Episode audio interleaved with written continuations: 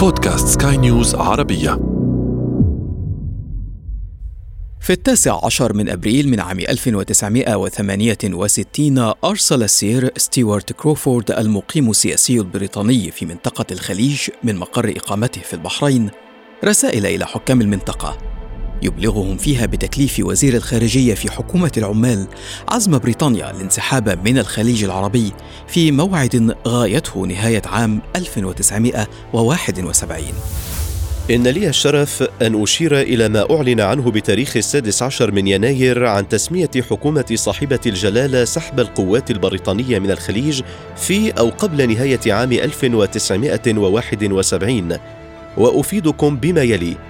تعتبر حكومة صاحبة الجلالة قرارها سحب القوات البريطانية من الخليج في أو قبل نهاية عام 1971 هو الوصول إلى نهاية مرحلة واحدة من العلاقات البريطانية مع إمارات الخليج ولكن ليس الوصول بأي شكل إلى نهاية روابط الصداقة بينهما.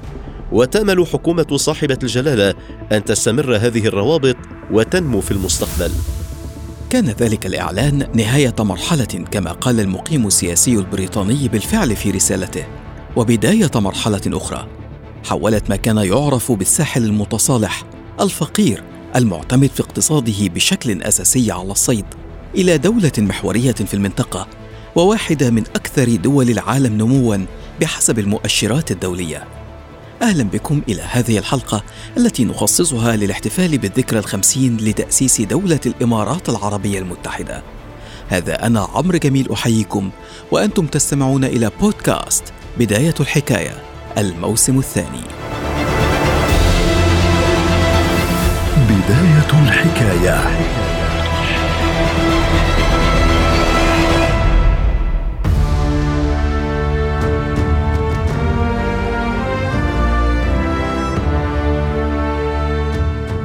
في القرن التاسع عشر كانت المنافسة على أشدها بين القوى العظمى آنذاك لفرض هيمنتها على أكبر مساحة ممكنة من العالم. تقاتلت الدول الأوروبية على الساحة الأوروبية والدولية لفرض تلك الهيمنة. ونجحت الإمبراطورية البريطانية في فرض سيطرتها على شبه الجزيرة الهندية في عام 1858 ثم بدأت في التوسع في إفريقيا باحتلال مصر في عام 1882 يقول رشاد بوخش رئيس جمعية التراث العمراني بدولة الإمارات وعضو جمعية التاريخ والآثار بدول مجلس التعاون الخليجي إن بريطانيا بعدها عززت وجودها في الخليج العربي بعد أن أنهت النفوذين الهولندي والبرتغالي في المنطقة. وصول البرتغاليين إلى المنطقة في عام 1507 طبعا احتلوا مدن دبا وخرفكان وجلفار ومناطق من عمان وكانوا موجودين تقريبا 130 سنة إلى عام 1633 لما خرجوا من المنطقة على يد القائد العماني ناصر بن مرشد اليعربي فخرجوا من جلفار ودبا وكذا. بعد ذلك من 1630 تقريبا إلى 1806 الفترة طبعا خروج البرتغاليين من المنطقة من الخليج العربي كان بشكل رئيسي هو التحالف البريطاني الفارسي أو الإيراني. والفترة هذه يعني ما في شك أن البريطانيين كان لهم نوع من السلطة على المنطقة ولكن في عام 1806 كان بدايات عمل اتفاقية بين البريطانيين والقواسم بشكل رئيسي. ومن ثم في 1820 هذا معروف جدا طبعا المعاهدة الأولى مع كل حكام الإمارات من رأس الخيمة وأم القوين وعجمان ودبي و الشارقة وأبو ظبي اللي يسموه معاهدة العامة للسلام. في 1952 كان بداية تأسيس مجلس حكام الإمارات المتصالحة طبعا تحت الحكم البريطاني وكان المجلس هذا لتنسيق الأمور الاقتصادية متابعة بعض قضايا العامة. ولكن ما في شك يعني أن خلال فترة البريطانيين يعني أكثر من 150 سنة للأسف ما كان في مدارس تعليمية ما كان في مستشفيات. لكن بحلول منتصف القرن العشرين تغير المشهد بشكل كامل. انتهت الحرب العالمية الثانية بهزيمة ألمانيا النازية وصعدت الولايات المتحدة والاتحاد السوفيتي كقوتين عظميين. صحيح أن بريطانيا خرجت منتصرة من الحرب لكنها كانت تئن تحت وطأة اقتصاد مدمر. كانت تعلم أنها لن تنجح في الاستمرار كإمبراطورية لا يغيب عنها الشمس. انسحبت من شبه الجزيرة الهندية بحلول عام 1947 وأجبرت على الانسحاب من قناة السويس بشكل نهائي في عام 1956 وفي السادس عشر من يناير من عام 68 أعلنت حكومة العمال البريطانية بزعامة هارولد ويلسون سياسة جديدة في شرق السويس. شرق السويس هو المصطلح الذي كان يستخدم في النقاشات السياسية والعسكرية للإشارة إلى مصالح بريطانيا وراء المسرح الأوروبي وشرق قناة السويس. وتشمل وجودها العسكري في آسيا وكذلك منطقة الخليج. قررت حكومة ويلسون الانسحاب من منطقة الخليج تحت ضغط الأزمة الاقتصادية وانخفاض قيمة الجنيه الاسترليني والضغوط الداخلية للحد من الإنفاق على المسائل الدفاعية وعدم القدرة على الاحتفاظ بقوات بريطانية في الخارج. في ذلك الوقت كان الشيخ زايد آل نهيان حاكما لإمارة أبو ظبي. أكبر الإمارات في الساحل المتصالح. يقول رشاد بوخش رئيس جمعية التراث العمراني بالإمارات إن الشيخ زايد رحمه الله كان يدرك أن الانسحاب البريطاني من شأنه خلق فراغ هائل في المنطقة. لن يحول عنه سوى قيام كيان جديد يجمع الإمارات العربية في دولة واحدة.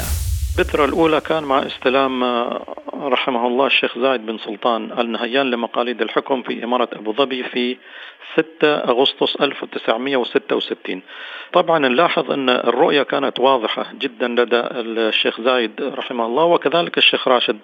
بن سعيد آل مكتوم حاكم دبي في ذلك الوقت. يعني آه، أسبوعين فقط من بعد استلام الشيخ زايد للحكم في 6 أغسطس. بتاريخ 20 أغسطس آه، تم الاجتماع بين الشيخ زايد والشيخ راشد رحمه الله. الاجتماع كان في دبي وناقشوا موضوع التعاون بين إمارات الساحل. وفعلا يعني عام 1966 كان عام حافل بالتحضير نقول لاتحاد الإمارات اللي على الساحل بالإضافة لقطر والبحرين أيضا. في عام 68 يناير أعلنت بريطانيا أنها ستنسحب من الخليج وتستكمل الانسحاب بالضبط في أواخر 1971 فهنا حكام الإمارات خلاص كانوا أمام أمر واقع أن بريطانيا سوف تنسحب وهناك مخاطر وكذا فيجب أن يكون هناك نوع من الاتحاد. وهكذا توالت الاجتماعات بين حكام الإمارات للتنسيق والاتفاق على الهيكل الدستوري لقيام اتحاد الإمارات العربية. وبحلول منتصف عام 71 كان قد تم الاتفاق فعلا على قيام الاتحاد. وفي الثاني من ديسمبر من عام 72 أعلن عن قيام دولة الإمارات.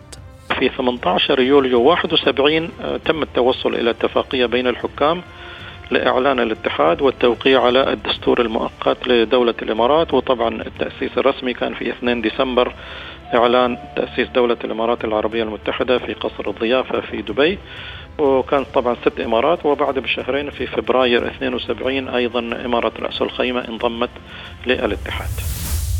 ويزف المجلس الأعلى هذه البشرى السعيدة لشعب الإمارات العربية المتحدة ولكافة الدول العربية الشقيقة والدول الصديقة وللعالم أجمع معلنا قيام دولة الإمارات العربية المتحدة دولة مستقلة ذات سيادة.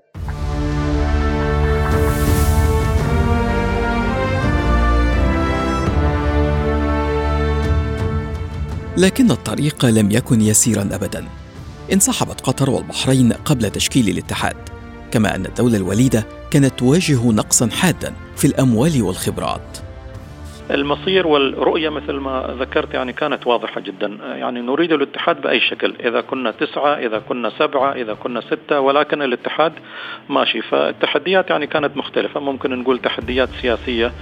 آه، بعض دول الجوار أيضا ما كانوا راضين على هذا الاتحاد إن سبع إمارات صغيرة تتحد في دولة واحدة تكون قوية عندهم إنتاج من البترول عندهم اقتصاد التحديات الاقتصادية أيضا أنها دولة جديدة. الخبرة ما زالت ضعيفة جدا في مجال البترول في مجال الإدارة في إدارة الأموال. فأيضا كان هناك تحديات في هذا الجانب. التحديات الإدارية أيضا أن الدولة بدأت من الصفر. ما كان هناك أي شيء مؤسسات فتم تأسيس المجلس الوطني الاتحادي تأسيس الوزارات. أيضا ما كان هناك ناس عندهم خبرة في كوزراء كوكلاء وزراء كموظفين. يعني الخبرات كانت بسيطة جدا وحتى المستوى التعليمي يعني ما كان في مدارس وجامعات فمستوى كان أيضا مش بالمستوى المطلوب للوزارات والوكلاء وغير ذلك.